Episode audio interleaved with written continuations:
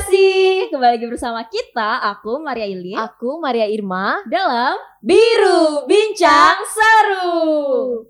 Karena hanya di Biru di mana aku Kamu dan, dan, kita akan membahas topik kekinian dengan berbagai sudut pandang dan cara yang seru. Eh, pernah nggak sih kamu ada di suatu hubungan di mana kamu merasa dipojokkan, merasa tidak nyaman, atau bahkan mungkin kamu menerima kekerasan secara fisik? Nah, kamu mulai bertanya-tanya, apakah hubungan yang kamu jalani itu worth it untuk diperjuangkan? Di segmen berbeda kali ini, guys. Ya Kita openingnya aja udah kayak Iya. gitu. Boleh ya eh, editing tolong editor tolong ditambahkan Tolong ditambahkan. Iya, boleh, boleh, boleh, boleh. Kita kan bahas topik yang sangat-sangat hangat nih di kalangan milenial saat ini. ya. Wah, apa tuh? Apa tuh? Coba Apa kita tuh? tanya teman-teman di belakang layar. Hari ini Apa? segmen kita apa nih? Jangan sampai kru nggak tahu nih. Iya, parah banget. Ayo, apa? Apa? Maaf. Toxic relationship itu apa, Vicky? pergaulan yang beracun. Pergaulan, Racun. Boleh, boleh, boleh. Siap, siap. boleh, siap, boleh lah, siap, boleh, siap. boleh. Boleh, boleh, boleh. Iya. Pergaulan yang beracun ya. Iya, pokoknya Hmm, hmm. itu kan kata-kata yang ada itu kan racun, racun, ya. iya, Racun. benar, Racun, dunia. Iya. Nanti jadi lama ibu ya nyanyi ya. Oke, baiklah. Langsung lanjut nih. Kita lanjut nih. Pertama sebelum kita bahas topiknya mengenai lebih jauh nih mengenai apa itu ciri-cirinya dan bagaimana Iya. cara mengatasinya. Mm, mm, mm. Kira-kira menurut Irma sendiri apa sih itu toxic relationship? toxic relationship itu menurut aku adalah suatu hubungan, Hmm. hubungan beracun sih. Benar Iya. tadi kata Vicky kan Iya. pergaulan beracun. Tapi Iya, ya relationship kan hubungan. Jadi Mhm. eh, hubungan beracun yang merugikan mungkin secara fisik ataupun Yes. secara mental Wow. gitu. Mhm. Jadi gimana? Apakah terlalu berat definisinya? Iya benar, terlalu benar textbook? sih, benar, benar, benar. Jadi emang hubungan yang merugikan gitu ya. Iya. Sama sih kayak Irma, definisi menurut aku sendiri toxic itu adalah ketika kamu merasa bahwa hubungan kamu itu udah di tahap di mana udah negatif Iya, aja gitu. tidak sehat, Tidak gitu ya, sehat, tidak sehat. Nah itu tuh sesuai Irma sama salah satu psikolog dari London. Dia juga merupakan communication and psychology expert. Wow. Namanya itu Dr. Lilian Glass. Jadi dia bilang kalau misalkan toxic relationship itu adalah suatu keadaan di mana kamu merasa bahwa kebanyakan dalam hubungan kamu tuh kamu merasa negatifnya tuh lebih banyak daripada positifnya. Hmm, Jadi- lebih merugikan Lebih ya. merugikan, iya. Jadi kamu lebih ngerasa kayak sedih, kamu lebih ngerasa kayak eh, apa bertanya-tanya gitu. Kamu merasa galaunya itu lebih banyak ketimbang kamu menikmati hubungan itu sendiri gitu. Iya. Padahal kan dalam hubungan tuh kita harusnya support kan. Iya, sa- lain. harus saling support ya. Mhm. Tapi Lin, hubungan bicara soal relationship nih, hubungan. Hubungan Mhm. itu kan banyak jenisnya ya. Ada Yes. yang uh, sama keluarga juga relationship gitu kan, Iya. hubungan. Sama temen Temen juga, relationship. gitu kan. Dan relationship yang terakhir mungkin sama Iya.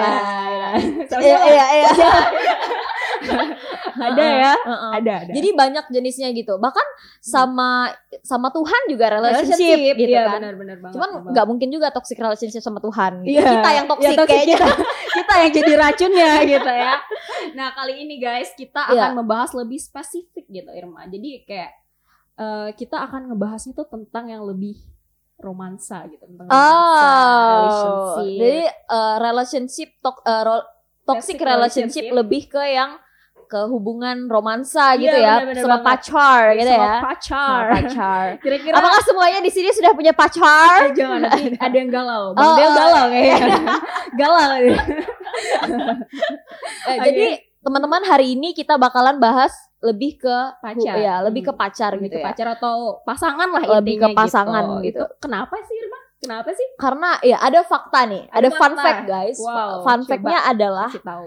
um, berdasarkan World Health Organization ya WHO. WHO itu ada sekitar 800 ribu orang Wow. yang meninggal karena bunuh diri setiap tahunnya, Wow. bayangkan. Dan itu tuh setara dengan satu hari Hmm. setiap 40 detik gimana sih eh, setiap 40 detik Itu itu orang satu. meninggal satu satu orang gitu. satu orang gitu. Aduh. Satu orang meninggal setiap 40 detik setara dengan angka itu gitu. Wow.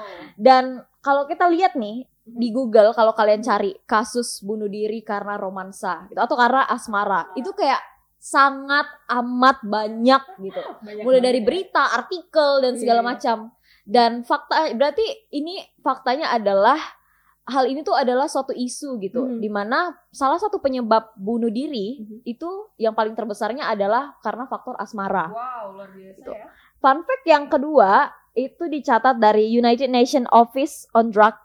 United Nation Office on Drug and Crime dan mereka mencatat bahwa pada tahun 2017 sekitar 87 ribu kasus pembunuhan perempuan di seluruh dunia itu 58% atau sekitar 50 ribu perempuan merupakan korban kekerasan seksual atau eh korban kekerasan dalam rumah tangga sorry. Korban kekerasan dalam rumah tangga atau KDRT Banyak banget ya ternyata. itu baru kita ngomongin perempuan ya belum lagi yang laki-laki laki-laki. Kadang gitu kan laki-laki tuh lebih silent ya teman-teman. Iya, lebih silent dan terlalu Iya, terlihat mungkin gitu. yang lebih tersakiti itu kebanyakan dan lebih terungkap itu yang perempuan, perempuan, gitu. Tadi iya, benar. 58%. tapi tidak menutup kemungkinan juga Iya, ternyata banyak laki-laki, laki-laki yang iya. mengalami itu kan Hmm. Tapi mungkin berbicara mengenai pasangan tuh ya, karena memang pasangan tuh kan saat ini adalah orang yang kita percaya gitu Iya, ya kan, kan? seorang yang kita berharap akan kita habiskan waktu untuk seumur hidup. gitu Iya. ya. Yaelah, gitu. Apalagi kalau di Hmm. Indonesia kan pernikahan itu merupakan sesuatu yang yang Sakral. sakral dan juga sangat indah yang diimpi-impikan banyak orang gitu. Hmm. Jadi untuk mencapai suatu pernikahan itu pasti kayak banyak yang kayak pokoknya aku harus eh, menerima pasangan aku apa adanya kayak kayak Yes. gitu ya Hmm, kan? hmm, bener banget, bener banget. Nah ngomong-ngomong nih tentang toxic relationship, kita harus tahu dulu nih guys, apa sih ciri-ciri dari hubungan toxic atau hubungan yang sudah tidak sehat itu sendiri? Nah kalau misalkan nih, kan karena kita berdua tuh sama-sama amatir ya Irma ya, kita tadi aku sempat nanya-nanya juga sama Irma gitu, dan ya syukurnya kita berdua tuh masih belum, maksudnya semoga tidak gitu Iya, mengalami hal-hal yang bersifat toxic secara relationship terutama sama pasangan gitu. Nah, dan semoga juga kita bukan orang yang toksik. Iya, dan semoga juga jangan-jangan jangan-jangan lalu kita yang toksik kan. Nah, guys, jadi kita akan membahas tentang pertama adalah ciri-ciri. Ciri-ciri Iya. apa sih yang sebenarnya dipunya dari suatu hubungan yang sudah dibilang toksik gitu. Yep. Nah, Apalin? kalau misalkan berdasarkan survei eh Eh. berdasarkan suatu penelitian yang dilakukan oleh John Gottman. Jadi John Gottman ini actually penulis gitu, Mbak, penulis dan Hmm. psikolog. Nah, dia tuh sempat melakukan penelitian sama orang-orang yang sudah menikah gitu. Dia mencari tahu nih apa sih ternyata hal-hal yang bisa menyebabkan orang tuh menjadi berpisah atau cerai gitu. Hmm. Nah, dari survei eh dari penelitian yang dilakukan itu keakuratannya adalah 85%. Berarti tinggi banget dong. Iya. Hal-hal ini berarti sering terjadi gitu kan di suatu hubungan sampai akhirnya mereka memutuskan untuk berpisah gitu. Mm-mm. Hal pertama adalah kritik. Kenapa kritik? Karena ternyata kritik itu berbeda sama yang namanya keluhan. Hmm. Kalau- Gimana tuh bedanya tuh? Beda-beda. Jadi kalau kritik tuh kita lebih ke orangnya, kalau keluhan tuh kita lebih ke sikapnya. Oh, berarti kalau misalnya Hmm. aku nggak suka nih dia misalnya kumisan gitu. Iya, itu iya, suatu iya, iya. kritik, itu kritik, gitu ya. itu kritik. Oke. Sesuatu yang maksudnya tuh kita udah, maksudnya itu kan kayak Mengarah ke ke Hmm. personal, maksudnya secara fisik Iya, gitu secara ya. fisik dan juga sesuatu yang kayaknya kita udah dalam pikiran kita tuh oh ini nggak bakalan bisa berubah gitu. Sedangkan Hmm, kalau hmm, misalkan sikap atau sifat itu kan bisa berubah gitu. Kita meyakini kalau oh ini bisa berubah gitu. Dan yang kedua adalah sikap defensif. Sikap defensif itu seperti apa? Sikap defensif itu adalah ketika kita salah terus kita malah menyalahkan orang lain gitu. Jadi misalkan nih Irma bilang Hmm. kayak, "Ilin, kamu tuh harusnya gini gini gini gini."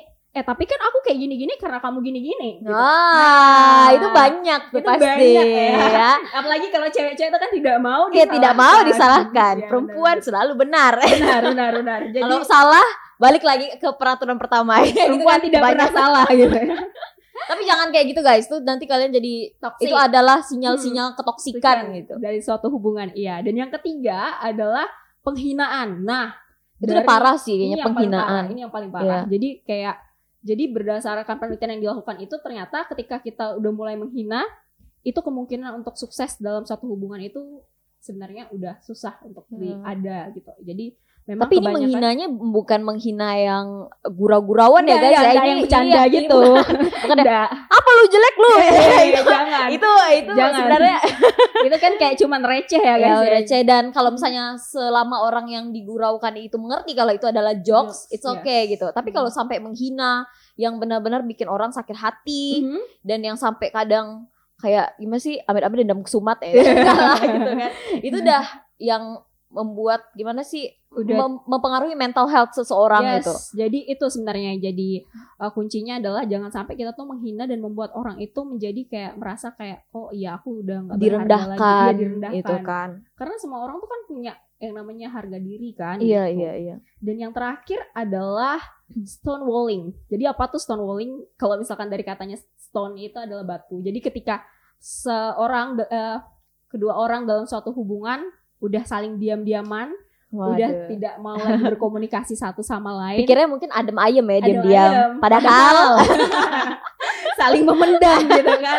Nah, itu tuh artinya kalian udah berada di tanda-tanda di mana hubungan kalian itu udah toksik gitu. Atau dalam Iya. artian kalian udah lumayan ya lumayan goyang gitu hubungannya. berarti segala sesuatunya itu harusnya dikomunikasikan dengan baik Yes, gitu ya. bener banget Irma. Bukan kayak ya udah kayak dipendam dalam Mhm, hati gitu. Iya, memang memang sih setiap orang tuh punya penyelesaiannya berbeda-beda kan. Ada yang Iya. namanya kayak silent statement gitu. Oh, ya. iya, Sampai iya. dua minggu tidak chat, dua minggu tidak ingin bersuara gitu. Jangan senyum-senyum ya kalian yang di belakang belakang? di belakang kamera biasanya cowok-cowok tuh suka kayak gitu tuh kan. Jurus menghilang gitu. terus menghilang sampai akhirnya ceweknya chat duluan. Iya. Apa maksud Anda ini? Jangan seperti itu gitu. Nah, kalau menurut Irma sendiri nih, kan tadi kan kita udah dengar Iya. menurut ahli gitu kan. Nah, kalau menurut Eh, buat kalian teman-teman edukasi yang ada di rumah, jangan gimana gitu ya kalau kita banyak eh, menurut ini menurut ini karena Kakak Ilin ini suka riset gitu ya. Jadi setiap topik dia harus harus berdasarkan ini ini ini. ini. jadi kita biar kita sama-sama Ya, ada belajar. dasarnya Iya, juga benar, gitu benar, ya. benar, Karena benar. Misalnya ada toxic relationship pasti ada da- ada Cerita. dasar, ada cerita, ada background di balik itu di gitu kan. itu gitu. Dan fun fact-nya juga adalah Lin, Mhm. eh, banyak banget jurnal yang udah ngebahas tentang toxic relationship ini Wow, gitu. itu Jadi artinya- kalau ada jurnal ini kalau misalnya dicari jurnal ilmiahnya gitu Hmm. secara psikologis juga ada. wow. Jadi memang ini benar-benar suatu isu gitu. suatu isu dan ternyata penyakit kalau misalkan udah Iya. ada ilmiahnya gitu Iya. ya. Itu udah diteliti.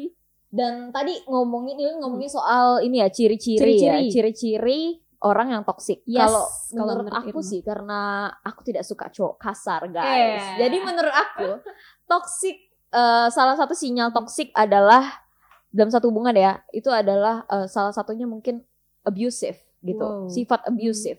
Sekecil apa pun eh, abuse itu sebenarnya Mhm. itu gimana ya susah untuk ditoleransi sih kalau Yes. menurut aku karena Hmm. misalnya nih bermula dari eh, bertengkar gitu kan Hmm. bertengkar atau cowoknya ngomong kasar gitu Iya benar. ngomong kasar terus dimaafin Hmm. terus abis itu nanti eh, itu tuh up to the next level of abuse gitu Iya, iya, ya kan iya. jadi Selalu nanti kalau udah tingkatannya ya gitu ya. tingkatannya jadi Hmm. udah di di apa ngomong kasar dimaafin terus bisa aja nanti lempar-lemparan gitu. Mungkin awalnya bukan lempar barangnya bukan kita Lempar bantal gitu. dulu lempar gitu. bantal dulu kan, lempar piring kayak gitu kan. Mungkin awalnya enggak ke kita tuh. Hmm. Terus nanti lama-lama dimaafin lagi gitu kan. Oh, Hmm. mungkin dia bisa berubah kayak gitu Hmm. kan. Eh, banyak banyak eh, istilahnya maafnya Yes. nanti bakalan pasti bakalan ngelunjak gitu. Ada orang Hmm. kata orang tuh kalau gimana sih orang kasar dibaikin tuh pasti ngelunjak Iya, iya gitu. banget. Sampai pada akhirnya dia main tangan, main fisik dan segala Wow. macam gitu. Dan itu Hmm. banyak kasusnya. Salah satunya tadi yang udah yang aku sebutin di awal ya yang Iya. ada apa 50 ribu perempuan, itu Mhm. adalah eh, dari Korban dari korban dari. KDRT Mhm. gitu. Jadi itu sa- salah satu fakta yang menyedihkan sih. Iya sedih sih benar. Iya. Jadi kayak emang secara fisik gitu eh, itu udah udah obviously eh, apa ya toxic gitu ya Iya, kalau udah, udah, saling menyakiti Hmm, satu udah sama saling lain. menyakiti. dan itu kelihatan kan maksudnya Mhm. tersakiti secara fisik Iya. tapi banyak juga sebenarnya pasangan yang even masih pacaran juga kalau udah tahu pacarnya itu udah udah ada sinyal nih Hmm. pacarnya itu abusive gitu Iya. tapi masih tetap dimaafkan dengan iming-iming harapan besar harapan saya bahwa pacar saya akan berubah, kayak gitu kan. Jadi Power Ranger kali.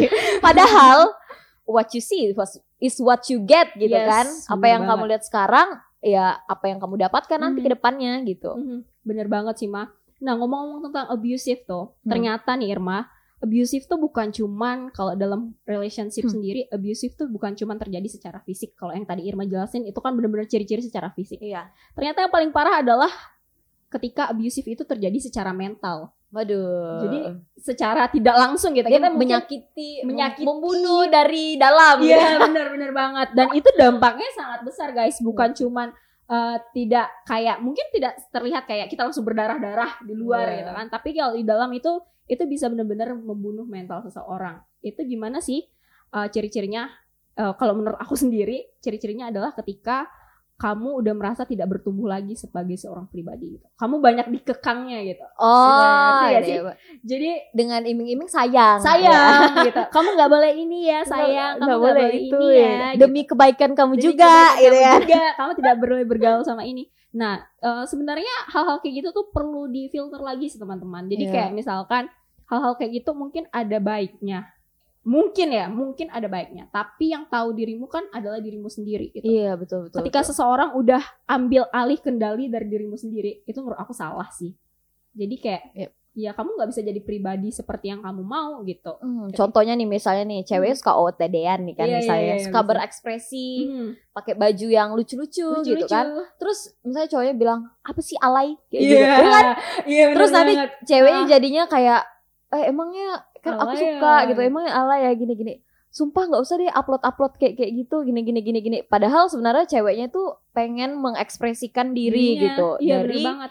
eh misalnya dari cara berpakaian dan Hmm. sebagainya gitu kan Hmm. cuman karena pandangan si cowoknya hal itu adalah alay Mhm. ya jadi ngikutin aja dan akhirnya ceweknya jadi pemalu dan sebagainya Iya, itu kan banget. kayak menghambat ini ya maksudnya menghambat eh, kemajuan seseorang gitu padahal berekspresi itu kan bagus gitu Iya, iya bener Iya banget. nggak sih Iya bener banget, Mam, bener banget. Jadi karena kalau misalkan kita katanya sih mah, kalau Hmm. misalkan kita jatuh cinta tuh kadang kita tuh suka apa ya, suka lupa diri gitu Ya. kan. Jadi suka kayak blind kayak love is blind Iya, always jadi kayak misalkan jadi kayak tiba-tiba buta aja gitu kan. Karena secara sains sendiri itu ternyata kalau misalkan kita lagi jatuh cinta itu otak yang bekerja itu adalah otak animalnya kita. Jadi kita tidak bisa berpikir secara logis. otak apa tadi animal Animal. oh jadi kita Iya. punya Jadi otak kita punya hewan otak- apa gimana Iya. Jadi kita punya otak di mana kayak itu kan salah satunya eh, seksual ya. oh Jadi iya iya di mana otak kita tuh sebenarnya tidak bisa lagi kontrol punya oh kita kontrol nggak bisa baik. main logika gitu Hmm, maksudnya Bener banget. Jadi kayak Oh. gitu. Nah, jadi harus hati-hati guys ketika itu kenapa kita harus hati-hati nih dalam memilih relationship sama siapa pun Iya. itu gitu. Terutama sama pasangan apalagi kan. Padahal biasanya Hmm. kalau misalnya kita tanya ke Hmm. orang-orang yang kita lihat couple goals gitu ya, Iya, misalnya udah kayak goals. menjalin hubungan udah lama dan segala macam Yes. kayak gitu kan. Hmm. Itu tuh pasti kayak gimana sih kalau misalnya kita tanya gimana sih kuncinya hubungan yang langgeng gitu kan? Pasti kepercayaan dan Iya. saling pengertian Iya. gitu. Tapi it's not that simple gitu Iya. kan? Iya bener banget.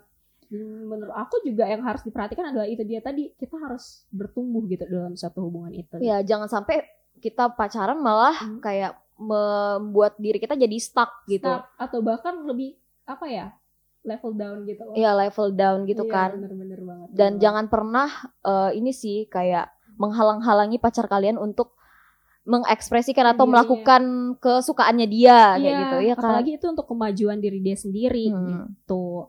Nah, kecuali emang hal-hal yang salah ya kayak misalnya pacarnya suka narkoba tapi kan dia suka yang enggak juga narkoba gitu Irma ya untuk hal-hal tertentu gitu ya tapi Iya. memang ya pandai-pandailah memfilter gitu Iya iya iya, aku ingat banget nih Ma, aku pernah punya cerita ya guys. Jadi aku punya teman kan, teman aku dan jadi pas zaman kuliah dulu aku punya teman teman cowok gitu. Jadi kayak misalkan kita ini teman kelas sih. Jadi kalau oh, misalkan iya. even kita lagi udah selesai kelas gitu kan kita suka ngumpul-ngumpul anak-anak kelas Ah, gitu kan. Nggak gimana sih makan siang bareng Ah, gitu. iya, karena oke, di depan tuh kayak ada kantin gitu. Mm-mm. Nah, terus kayak kita ngumpul-ngumpul gitu ada dia punya pasangan nih, Mm-mm. cewek.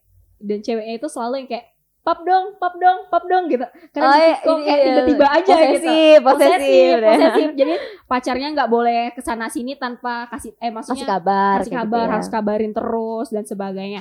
Sebenarnya itu kadang terlihat sweet Ya, katanya sweet gitu. katanya. Cuman menurut aku hal-hal kayak gitu tuh hal-hal simple kayak gitu tuh bisa jadi toxic ketika kamu merasa kalau misalkan itu udah mengganggu gitu loh. Iya, se- selama nggak merasa terganggu sih sebenarnya it's okay Hmm. It's ya. Karena okay. tadi balik lagi ke pengertian toxic itu sendiri. Hmm, Toxic itu adalah hubungan beracun yang merugikan. merugikan gitu. kamu gitu. Harm yourself. Jadi Yes. selama hal itu menurut nggak, oh, aku nggak merasa nyaman-nyaman merasa aja, nyaman-nyaman diposesifin aja. gitu. Karena aku juga su- eh, suruh dia pap setiap saat kayak gitu kan. ya udah sih gitu. Itu Ya, kalian sih. sih. Iya, Tapi iya.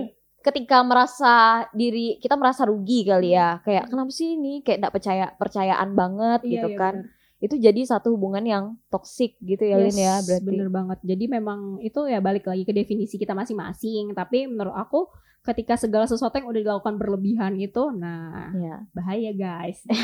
Apa pun sih. Apa pun itu. Apa pun. Hmm, Bener banget. Jadi Posesif mungkin awalnya bagus. Hmm, karena ya gimana sih namanya pacaran gitu ya Yes. kan pasti kita ada dong sisi dikit lah gitu kan posesif cemburu dan Ya, sebagainya bener tapi keta- ketika hal itu jadi over Mhm. itu ya udah gitu jadi Iya. jadi jadinya jadi toksik Yes, bener banget Irma. Kalau Irma sendiri ada nggak sih cerita-cerita kayak gitu? Eh, cerita apa ya aku Hmm, aku orangnya tertutup guys nggak suka cerita hmm, Masa sih? Ya. tapi aku banyak gini ada sih eh, tidak perlu aku sebutkan lah ya di mana dan Hmm, siapa kayak gitu Yes. tapi dia terjebak dalam eh, itu tadi abusive pacarnya Hmm. abusive gitu jadi suka main tangan kalau kalau marah Hmm. suka mukul kayak gitu ya mungkin awalnya pukulnya biasa kayak pakai buku plak kayak gitu Aduh. Biasa gitu kan terus kayak eh bercanda bercandaan gitu Hmm. terus ya apa sih kayak ditoyor lah dan segala macam gitu terus ya tadi yang aku bilang up to the next level gitu Mhm. marahnya nih main kaki kayak gitu. Udah tadi main tangan, main kaki gitu Hmm. kan. Sampai yang bener-bener yang bikin dia tuh Babak gimana belur. sih? Iya, babak belur gitu. Maksudnya gimana sih kayak abis kelahi gitu Sedih kan. banget ya. Nah, dan pada saat itu dia masih kayak yang eh, enggak lah ini cuman salah satu sisi buruk dari dianya aja kayak gitu. Hopefully dia bakalan berubah deh ke depannya gitu. Kalau dia sayang sama aku dia bakalan berubah kok gitu. Ya sekarang aja dia nggak berubah gitu kan. Iya, bener nggak sih? banget, bener banget sih. Kalau misalnya ditunggu berubah Mhm. sampai kapan gitu. Coba live dulu deh. Iya. Ya kan? banget, Udah misalnya ter- tapi terkadang itu tadi si Lin love is blind kan. Heeh. Walaupun misalnya teman-temannya udah eh, misalnya ngasih tahu bahwa itu adalah sinyal-sinyal ketoksikan Mhm. yang nggak bisa ditoleransi sebenarnya. Apalagi aku yang nggak suka sama istilahnya eh, sifat So, kasar itu tadi ya kan. Jadi itu udah misalnya udah dinasihatin dan segala macam, tapi kalau dari dirinya sendiri yang belum sadar kalau Iya. itu adalah toksik itu Hmm. emang nggak bisa sih susah gitu. Iya, bener banget sih. Jadi memang ya itulah. Makanya ini gitu adalah isu yang penting juga kali Isu untuk juga untuk kita suarakan gitu. tuh. Iya, bener banget. Kalau jangan sampai kita tuh terjebak dalam situasi itu dan kita takut untuk move. Iya, gitu. dan karena kebanyakan tuh merasa kayak gitu ya, guys. Karena ngerasa kayak misalkan, wah aku udah lama nih, aku udah sayang banget sama dia. Nah, itu tadi Hmm. terjebak dari yang aku udah lama nih gitu kan. Iya, bener banget. Jadi kayak susah nanti mau cari ngulang lagi gitu misalnya pak masa PDKT lagi. iya, iya, bener banget sih. Tapi kalau menurut aku kalau udah lama terus tapi dianya toxic terus abusive apalagi itu kan udah kelihatan banget ya. Mm-mm. Itu masih secara secara fisik dia udah kena. Iya. Secara mental udah pasti dong down Iya, dan bener segala macam banget, bener depresi banget, gitu bener ya. Banget, bener banget hal Itu- gitu tuh. Seharusnya hal yang nggak tahu sih kalau menurut aku nggak bisa dipertahankan. Iya, iya, iya. Nah, ngomongin tentang hal ini nih, menurut Irma apa sih solusinya, mah? Solusinya Mhm. kalau menurut aku simple sih, cuman susah untuk dilakukan. Itu? Cepat-cepat sadar. Iya. Cepat-cepat sadar karena sadar. karena ya. orang itu nggak sadar biasanya Yes. ada di ada di situasi itu tuh orang tuh nggak sadar Hmm. karena itu tadi karena ini apa eh, alasannya udah lama lah gitu sayang lah dan segala Iya, macam iya. kayak Aku gitu. kepikiran sih, mah cara cepat sadar tuh adalah kadang kamu juga harus mulai bergaul lagi. Sih? iya iya Ngebuka diri Kayak gitu. open up yourself to others Iya, gitu ya. mana tahu kan ada orang yang bilang, Hmm. eh sadar eh gitu.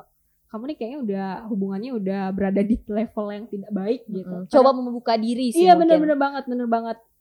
coba membuka diri untuk istilahnya kalau itu kan biasanya kan orang eh, cenderung tertutup ya Hmm. apa pun saran orang dia pokoknya aku sayang sama pacar aku kayak gitu Hmm.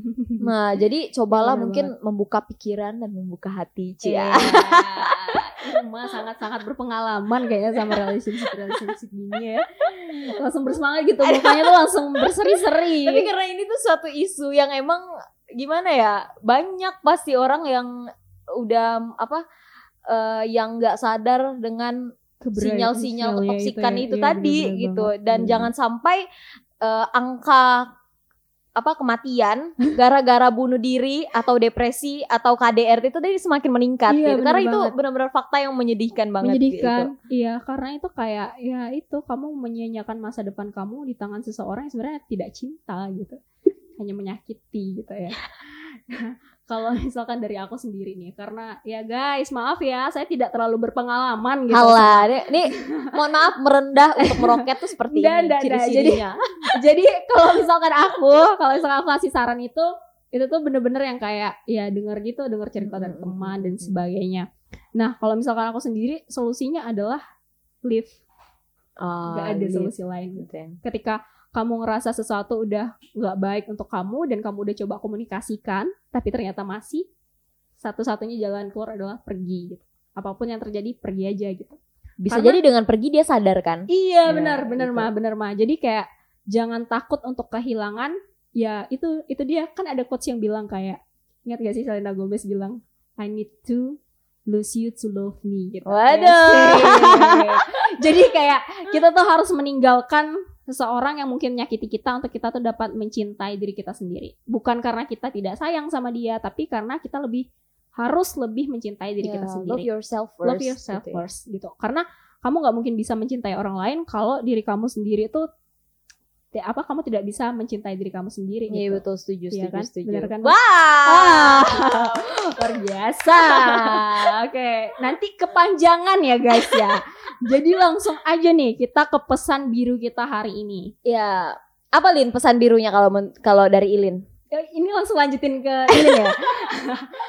kalau pesan birunya kalau dari aku sendiri adalah yang pertama kenali yang pertama adalah recognize kalau misalkan kamu ada di hubungan maksudnya sadari hubungan kamu sekarang itu seperti apa gitu.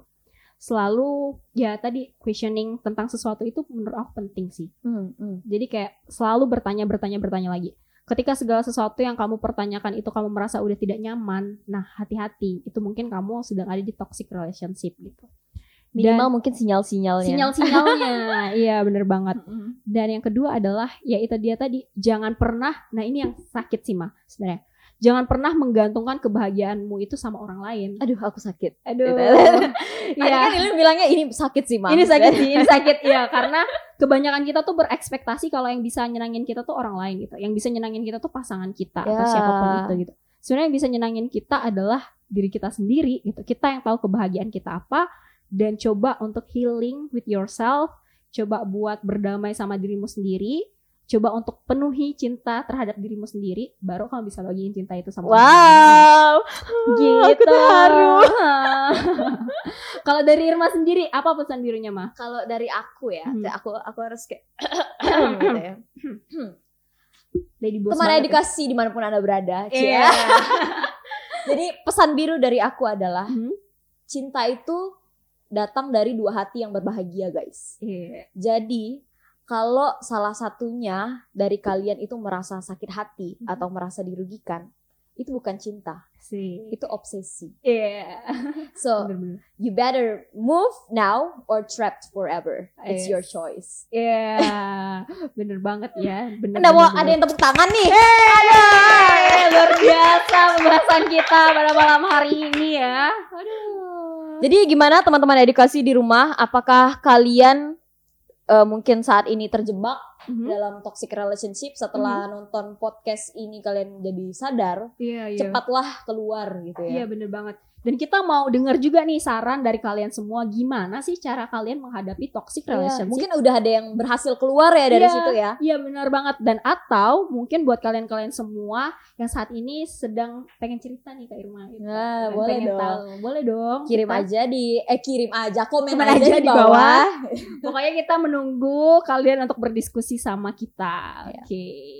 Jadi Oke, itu dia tadi segmen ke eh segmen, Segmen bermuda, bermuda. kita di episode kedua kali Yes. ini tentang toxic, Toxic relationship.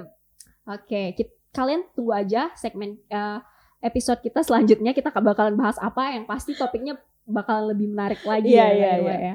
Oke. Nantikan kita di episode ke depannya. Bye. Bye.